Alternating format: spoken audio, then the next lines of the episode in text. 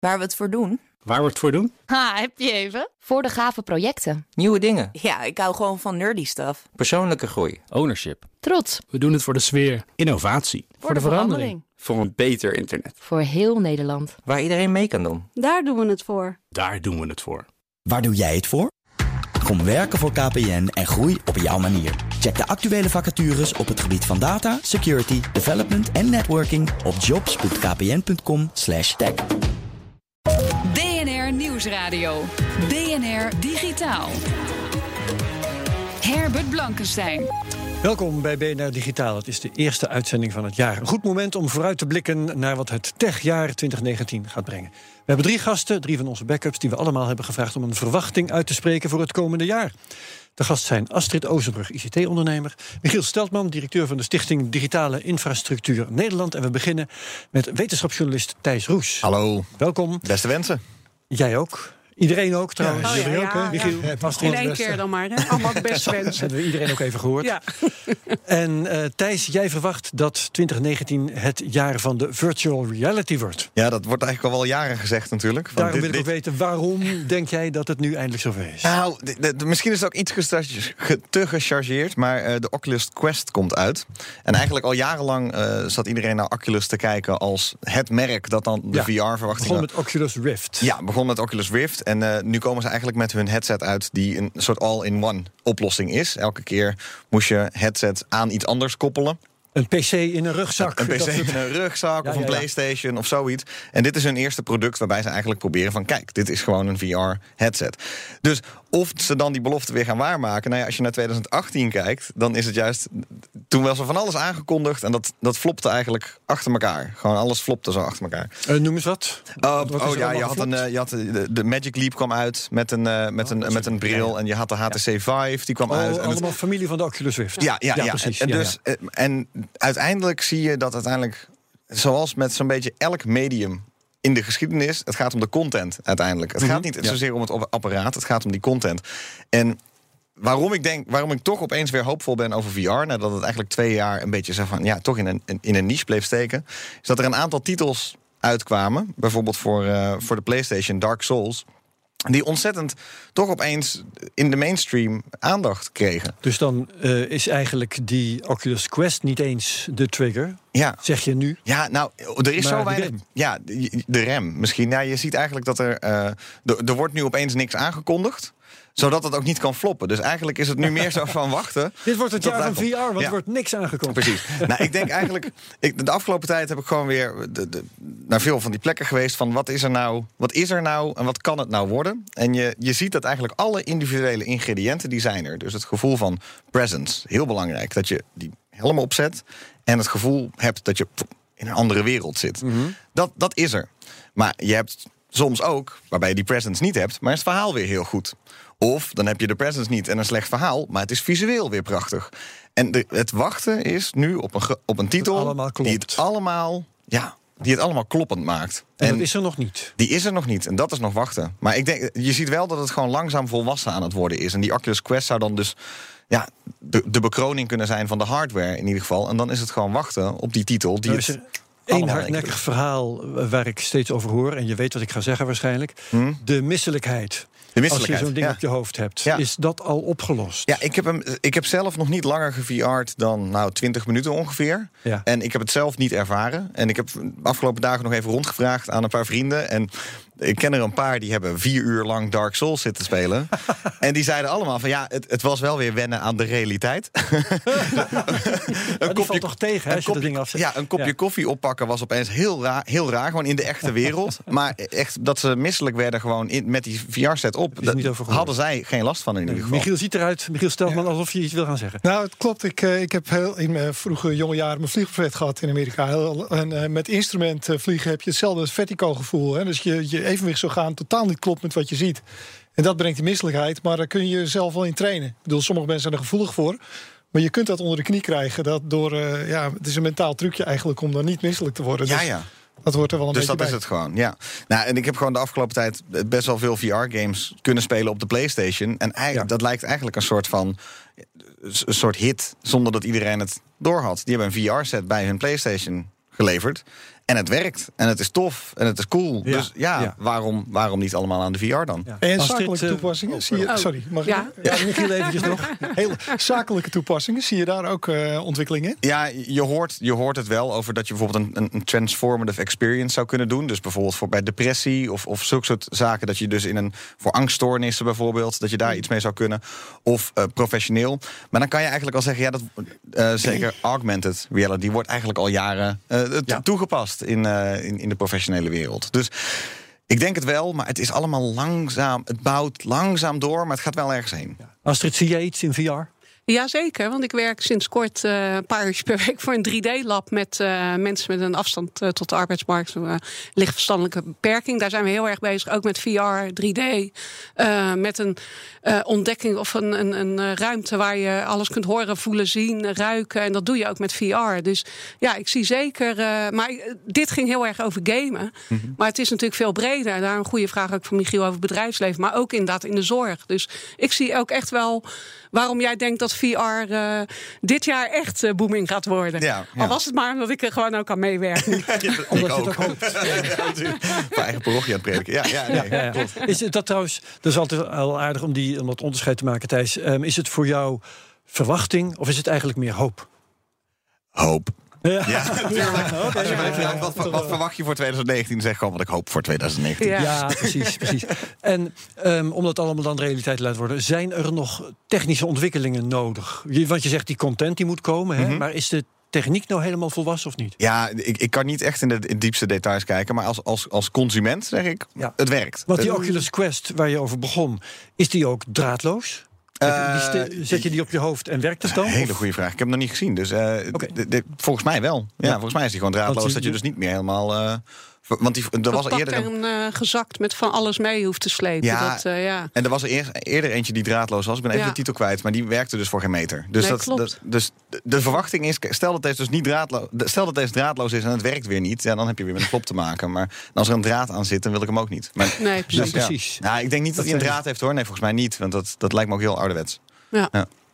Oké, Ehm, Michiel Steltman, jij begon over zakelijke toepassingen. Ehm, kun jij jezelf voorbeelden voor de geest halen?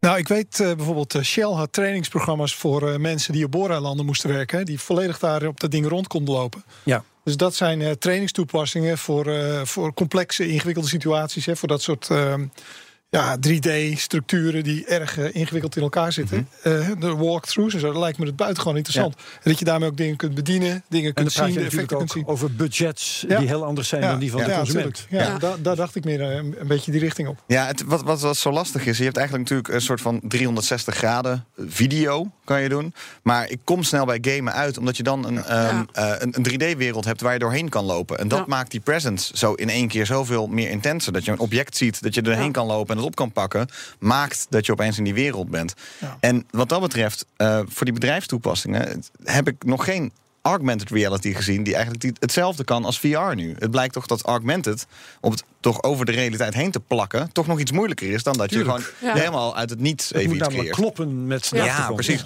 Dus ik heb wel een paar augmented dingetjes gezien, maar dat is altijd een beetje van ja, leuk, maar moet nog volwassen worden. Ja, nu de combi, hè? Dan Ja, nu de combi. Ja, dat- ja, dan, ja, eh, dan- Laten we dan volgend jaar. Leven we allemaal in onze eigen realiteit. BNR Nieuwsradio. BNR Digitaal.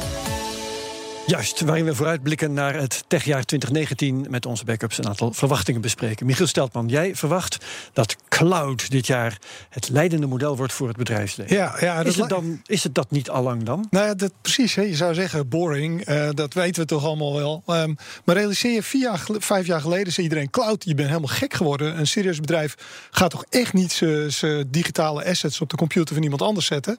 met het risico van eh, bla bla bla. Ja, nou ja, je hebt ook nog en- het onderscheid dus- tussen private cloud en... eh, Precies. hè. En eh, dat was cloud. private cloud, dat was dan wel een beetje acceptabel. Als je nu kijkt hoe dat, eh, hoe dat is, eh, eh, 87% van alle bedrijven gebruikt een vorm van cloud computing, private, hybride en publiek. Ja, en publiek, dan denken we aan Amazon, Microsoft, Amazon, Google. Microsoft en. Google, de grote. Amazon is verreweg de marktleider, 57 procent. Ehm, en ook in Nederland heeft een private eh, cloud-industrie en een industrie die eh, gebruik maakt weer van die public cloud services, die ook al een volume heeft van 20% van al de IT-services in Nederland. Een industrie van 2 miljard. dus het is een serieus, in Nederland zijn serieuze spelers die daar meedoen. Nou, waarom is dat nou zo'n doorbraak? Omdat je kunt zeggen dat in 2019 elk bedrijf wat iets doet op het gebied van software en maatwerk, gebruik maakt van die cloud. Er is geen enkel bedrijf meer te vinden die het nog in zijn eigen kelder zet. En dus in tijd van drie, dus vier jaar. Dan zitten ze ook op een publieke cloud. Zitten ze indirect op een publieke of een private cloud met daarop uh, services. En die softwareontwikkelingen. Die maken gebruik weer van laagjes die op die cloud worden geplakt. En dat is eigenlijk de trend. Hè. Dus Docker, containers, uh, Paas. Nou, bijna iedereen die serieus met software en bezig Paas is. staat voor, help me even. Platform as a service. Oké, ja, ja, ja. En dus oh, dat oh, zijn oh, diensten die ja. weer. Uh, infrastructure services, cloud, dat, is, dat zijn computers van iemand anders. Die staan in een groot rekencentrum met dus opslag en netwerking en uh, CPU-cycles. Ja. En daar wordt weer een laagje opgeplakt, waarmee je dan die software heel makkelijk kunt ontwikkelen en deployen. Nou, dat is eigenlijk dit jaar een doorbreken dat iedereen die kun je zeggen, behalve een paar, die software ontwikkelen en dat soort dingen doen, gebruik maken van dat soort services. En uh, ja, ik vind het een hele interessante doorbraak wel, dat het eigenlijk achteraf in tijd van drie, vier jaar hub compleet is zo'n tipping point compleet is omgeslagen naar nou ik weet het nog zo net allemaal Ja. niet met die cloud naar ja het is gewoon het leidende model. En waar komt dat dan door? Nou, het komt doordat het betaalbaar is, betrouwbaar, beschikbaar. En je ziet ook de impliciete voordelen van dat model.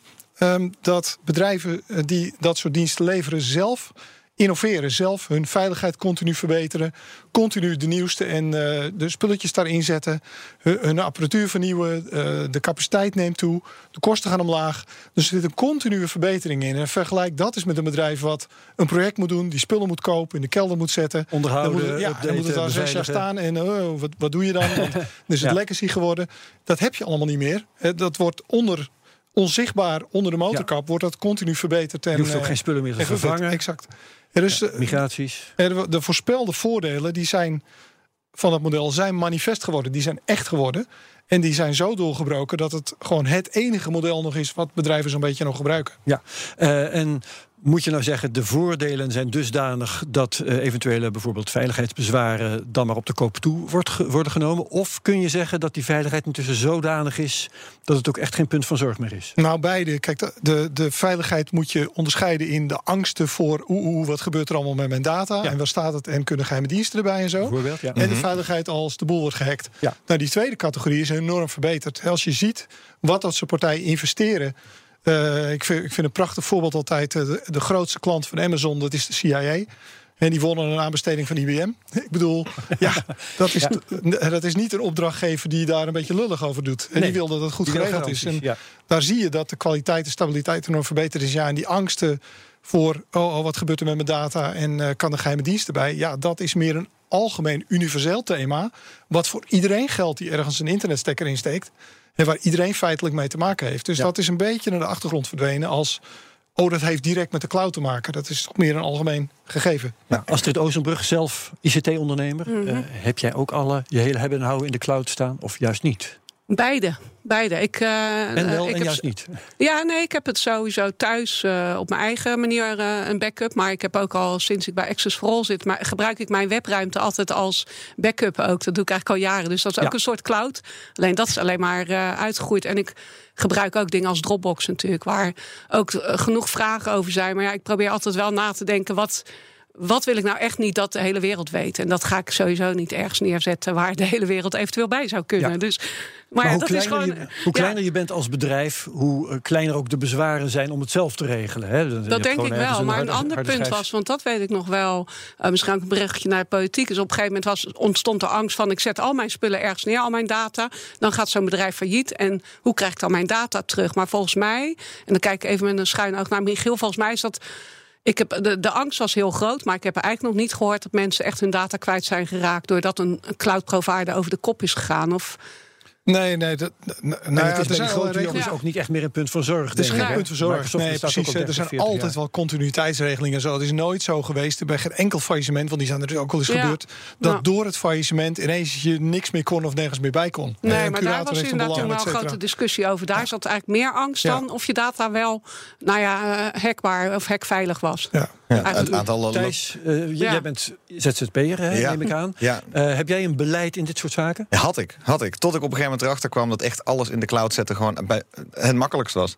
Als ik gewoon overal ter wereld bij al mijn dingen kan, Mhm. ja, dan is het gewoon het makkelijkst. Ik heb volgens mij nu alleen nog maar ruw 4K videomateriaal lokaal staan op mijn computer. Gewoon echt, echt ja, omdat het anders Omdat gewoon veel te groot is. ja, ja, ja. maar verder, en daar kan ik dus ook bij vanaf de andere kant van de Ja. wereld. Maar ik, ik denk inderdaad bij wat crashes betreft, ja, het aantal eh, laptops of eh, harde schijven dat gecrashed is, ja, die in, Ja. in de afgelopen jaren, is volgens mij groter dan dat ik ooit ook maar iets ben verloren via Google Drive. Ooit waren Ja. we eens een keer iets kwijt en konden ze de maand later nog terughalen. Dus ja, dat was gewoon. Ja, ik, ik zie het helemaal, ik zie het helemaal gebeuren. Ik het vind het alleen, alles wordt een abonnementsmodel daardoor. Dus Ja. ja, eh, tientje naar Adobe, tientje naar, tientje naar Google. Ja. En zo, als, als ZZP'er hang je op een gegeven moment... ben je gewoon heel veel kwijt aan, aan overal je op Ja, moet abonneren. Ja. Want het gaat wel om dusdanige hoeveelheden dat je niet meer iets hebt aan een gratis account. Ja, dus eh, wat is het? Twee jaar, la- twee jaar na de invoering van het eh, subscription model voor Adobe... ben ik nu meer aan het betalen dan wanneer ik het toen ze hebben gekocht. Dus nu, nu begin ik als het ware verlies. Ja, Ja. Het is te gek, want je hebt altijd het nieuwste. En je, inderdaad, het, Het is hoe de wereld werkt. ja, het is nou zeggen. eenmaal hoe de wereld nu dan dus ook in 2019 gaat werken. Ja. Maar Michiel, je hebt in dit soort dingen altijd slingerbewegingen. Hè? Cloud, eh, dan toch maar eh, on-premise. Eh, dat hoor ik Ja. namelijk de laatste tijd ook nog wel eens in verband met nou ja, privacy en veiligheidszaken. Nou, jij zegt dan, de slinger gaat weer deze kant op. Maar gaat hij ooit weer terug? Dat kan natuurlijk echt ook wel. Nou, kijk, modellen die gebruik maken van dienstverlening, gestapelde dienstverlening, die vallen of staan met vertrouwen. En zolang bedrijven Ja. en consumenten vertrouwen hebben dat eh, het onder de motorkap voldoende goed geregeld is, hun data, hun rechten beschermd, de beschikbaarheid oké, eh, dan, dan blijft, dat, eh, blijft dat wel doorgaan. Maar ja, dat, gebeuren er, gaan er heel veel dingen fout. En ik denk, ik maak vast het bruggetje naar de overheid. ik denk dat dat de grootste, de grootste zorgen die we moeten, ons moeten maken, is niet of die bedrijven omkieperen. Hè, maar dat, dat overheden met onze data vandoor gaan. Of, of allerlei dingen gaan doen die we niet willen, waardoor dat vertrouwen kan kantelen. Inderdaad, 2018 was het jaar van de AVG, de Algemene Verordening Gegevensbescherming. 2019 kan het jaar worden waarin de politiek dankzij regulering grip krijgt op techbedrijven. Of blijven ze slapen? Tot straks. BNR Nieuwsradio. BNR Digitaal. En welkom terug bij BNR Digitaal. We kijken vooruit naar het techjaar 2019. Hier in de studio zijn Michiel Steltman, directeur van de Stichting Digitale Infrastructuur Nederland. Astrid Oosterbrug, ICT-ondernemer en wetenschapsjournalist Thijs Roes. Astrid, we gaan het hebben over wetten en regels. De politiek probeert greep op technologie te krijgen met nieuwe wetten, nieuwe regelgeving. En toch verwacht jij dat de politiek ook in 2019 gewoon in slaap blijft. Ja. Leg uit. Ja, omdat ik denk dat zolang je niet affiniteit hebt met het onderwerp, dat je, als je je daar niet in verdiept, als je niet echt snapt hoe de techniek werkt en waar de echte gevaren zitten, dan kom je met schijnoplossingen zoals een AVG waarvan ik denk van ja, wie beschermt het nu uiteindelijk? Ja? Eh, heb je daar ook een antwoord op? Met andere woorden, wat deugt er niet aan de AVG? Nou ja, het antwoord daarop is: ga nou eens in gesprek met elkaar. Zorg dat het bedrijfsleven niet eh, alleen nee, ik bedoel, maar. Ja, ik bedoel wat, wat schort er aan de AVG in? Nou ja, je hebt nu een soort schijnoplossing als in van ik ben nu beschermd. Dus eh, iemand, ik moet toestemming geven overal voor. Maar op het moment dat je bijvoorbeeld een app, iemand anders gebruikt een app en zegt van nou kijk maar in mijn hele adresboek. Eh, dan zit mijn adres erbij. Daar heb ik geen toestemming voor gegeven. Alleen de ander heeft namens mij toestemming gegeven. Hoe ben ik dan beschermd? Dat is mijn vraag. Ja. Ja, daar krijg ik niet echt een antwoord op. Want dan wordt er gezegd: ja, maar jij moet toestemming geven. Ja, maar dat doe ik dus Ja. eigenlijk niet. En je bedoelt politici Ja. met meer verstand van zaken, die zouden hier misschien dieper over kunnen nadenken. Ja, en dan ook nadenken over waar kan je dan wel goed op sturen. Dat is bijvoorbeeld handhaving. Dan hebben we een autoriteit eh, persoonsgegevens. Die krijgt een ongelooflijke lading aan klachten binnen... en kan er eh, vervolgens drie behandelen. Dus die hele Ja. lading blijft liggen. Ik heb met Wat ook te ondernemers voorzien was, gesproken. hè? want in de tijd, Ja. eh, wat was het nu, eh, drie kwart jaar geleden zo'n beetje, toen eh, speelde dat allemaal. Ja, En toen waren er genoeg experts die zeiden, dit zit eraan te komen. Ja. En die eh, autoriteit persoonsgegevens is niet goed geëquipeerd. nee, nee, dat is vanaf het begin eigenlijk gezegd. En, maar er werd steeds gezegd, ja, maar de, ze willen alleen maar meer geld. Ja, maar dat geld heb je nodig om iets te, nou ja, verder uit te werken, verder aan de slag te gaan. En dat gaat nu dus. En je ziet het ook. alles wat voorspeld is, komt uit. Ook rond uh, nieuwe wetgevingen, rond het hekvoorstel, waar ook een aantal haken en ogen aan zaten. Heel duidelijk gezegd dat moet anders. Eerst moest die wet te komen, nu is die wet er. En nu wordt gezegd: oh, nou, toezicht moet toch nog iets beter. De wet die heette de terughekwet, maar officieel heette die anders. Je bent alweer kwijt. Nee, ja, je had de sleepwet en de terughekwet. en nou ja, wat allemaal mooie dingen in de volksmond. Bijnamen, ja. Ja, maar uh, daar werd wel serieus over nagedacht. Mensen kwamen aan tafel zitten en volgens besluit dan toch een politiek voorstel komt. Er wordt water bij de wijn gedaan en er komt een gedrocht uit in mijn ogen. En dat vind ik jammer, echt. En dan hoop ik dat er nu inderdaad het nieuwe jaar uh, merk ik dat er politici zijn die zich meer zijn gaan interesseren voor ICT. Alleen er komen ook nieuwe verkiezingen aan. Noem eens namen. Wie doen het goed in de Tweede nou ja, Kamer? Bij de VVD heb je een aantal. Uh, ja, nou ja, Kees Verhoeven was natuurlijk altijd uh, vrij aanwezig. Vind ik zelf wat minder aanwezig de laatste tijd. Helaas, zeg ik daarbij. Echt. Want ik hoop echt dat hij weer terugkomt en uh, weer zijn stem laat horen. Uh, bij de VVD heb je. Martin Wursdurfer. Ja, Zeker. Martin Wursdurfer, die nu. Nou, dus er zijn wel een aantal mensen die nu opstaan. Alleen de vraag ja. is, met de nieuwe verkiezingen in aantocht, wat gaat er gebeuren? Ja. Blijven ze wel? Want dat is ook een beetje wat er gebeurt in de Kamer op dit moment. De experts verdwijnen op een gegeven moment allemaal. Ja, want die kunnen ergens meer verdienen. Nou ja, niet eens meer verdienen, maar er is, het is ook dweilen met de kraan open in de Kamer. Ja. Door politiek sturen, dat lukt gewoon niet. Uh, ik merk gewoon dat vanuit het bedrijfsleven veel meer dingen ontstaan, zoals bijvoorbeeld de NAWAS, dus de Nationale Wasstraat. Dat is een initiatief vanuit het bedrijf. Hè? Ja, ja, en uh, nou, je ziet uh, de GDI Foundation, dus die zorgen zelf voor een veilig internet. Dat zijn allemaal stichtingen die gewoon maar in het leven worden geroepen. Mensen die vanuit het bedrijfsleven zeggen: ik stop er wat geld in. Want ja, vanuit de politiek wordt het niet geregeld. Maar nu even, want we kijken vooruit. Wat voor wetgeving, regelgeving zit er in de pijplijn waar jij je zorgen over maakt? Mm, wat zit er nog meer aan te komen? Volgens mij uh, wordt er nu heel erg nagedacht over keurmerken. Uh, ik ben daar nog niet van overtuigd. Ja, en er zit natuurlijk, dan kijk ik ook even naar Michiel Steltman, omdat ik het met de jou, Michiel, ja. in de, in Ja. de technoloog onze podcast een keer heb gehad over de Europese uh, auteursrechtwetgeving. Oh, ja, Precies, die- precies. Die zit heel erg in de pijplijn en daar zijn ook Nou, erg eh, zorgen kom- over. Hè? Precies, want niet alleen die auteursrechtenrichtlijn, Ja. er komt uit Brussel een lawine van wetgeving op ons af. Eh, E-evidence, e-privacy, eh, platform to business, de e-copyright directive, tackling illegal content online. De, de- allemaal eh, initiatieven die ingestoken zijn van eh, eh, er moet nodig iets gebeuren. Waarom nemen die grote bedrijven hun verantwoordelijkheid niet? Vervolgens komt er een proces op gang waarbij eh, eh, iemand dan maar ja, probeert er iets van te maken. Dat wordt tijdloos, zoals dat heet, eh, en techniek onafhankelijk opgeschreven. En dat zegt dan van iedereen die iets met internet doet, die moet maar zorgen dat terroristische content offline gaat en blijft. En Ja. zo werkt het is ongeveer het, uit. Dus het terrorisme-equivalent van die upload, dat upload Precies, en copyright is ook zo'n voorbeeld. En Mhm. eh, dat pakt dramatisch uit. Hè? Want door, wij snappen dat, en dat, hè, dus waar als het aan refereert, dat die verschillende rollen van internetbedrijven compleet verschillend zijn. Dat je een Facebook, die rechtstreeks verantwoordelijk zijn voor het platform waarop mensen rechtstreeks publiceren, die kennen hun gebruikers, niet kunt vergelijken met een internetknooppunt of zo'n cloud provider die alleen maar service levert en die geen idee heeft wat de klanten van zijn klanten van zijn klanten allemaal doen. Nou, Ja, toch ja, wordt het die wetgeving allemaal over één kam geschoren. En dat zie je bij de copyright-wetgeving. Los het maar op. En daar, daar komen ongelooflijk veel brokken van. En we maken ons daar enorm veel zorgen En is over. in eh, het Europees Parlement eh, het probleem ook dat politici niet deskundig genoeg zijn eh, liggen te pitten? Klopt, want die, Ja. maken, die kennen ook die onderscheiden tussen al die actoren niet. Hè. Dan heb Ja. je diensten van de informatiesamenleving, meer conduitpartijen, hele vage omschrijvingen, telecom, hele vage omschrijvingen die een beetje. Nou ja, zodat zo'n wet maar zo ruim mogelijk kan worden toegepast en uitgelegd. En eh, bedrijven die ik net noemde, Nederland, belangrijke sector, 2 miljard omzet, duizenden bedrijven, het hele Nederlandse bedrijfsleven die af- van afhankelijk is, die komen in een flinke spagaat terecht. Hè. Van de ene wet eh, mag je niet filteren, van die e-privacy directive mag je niet ingrijpen in communicatie.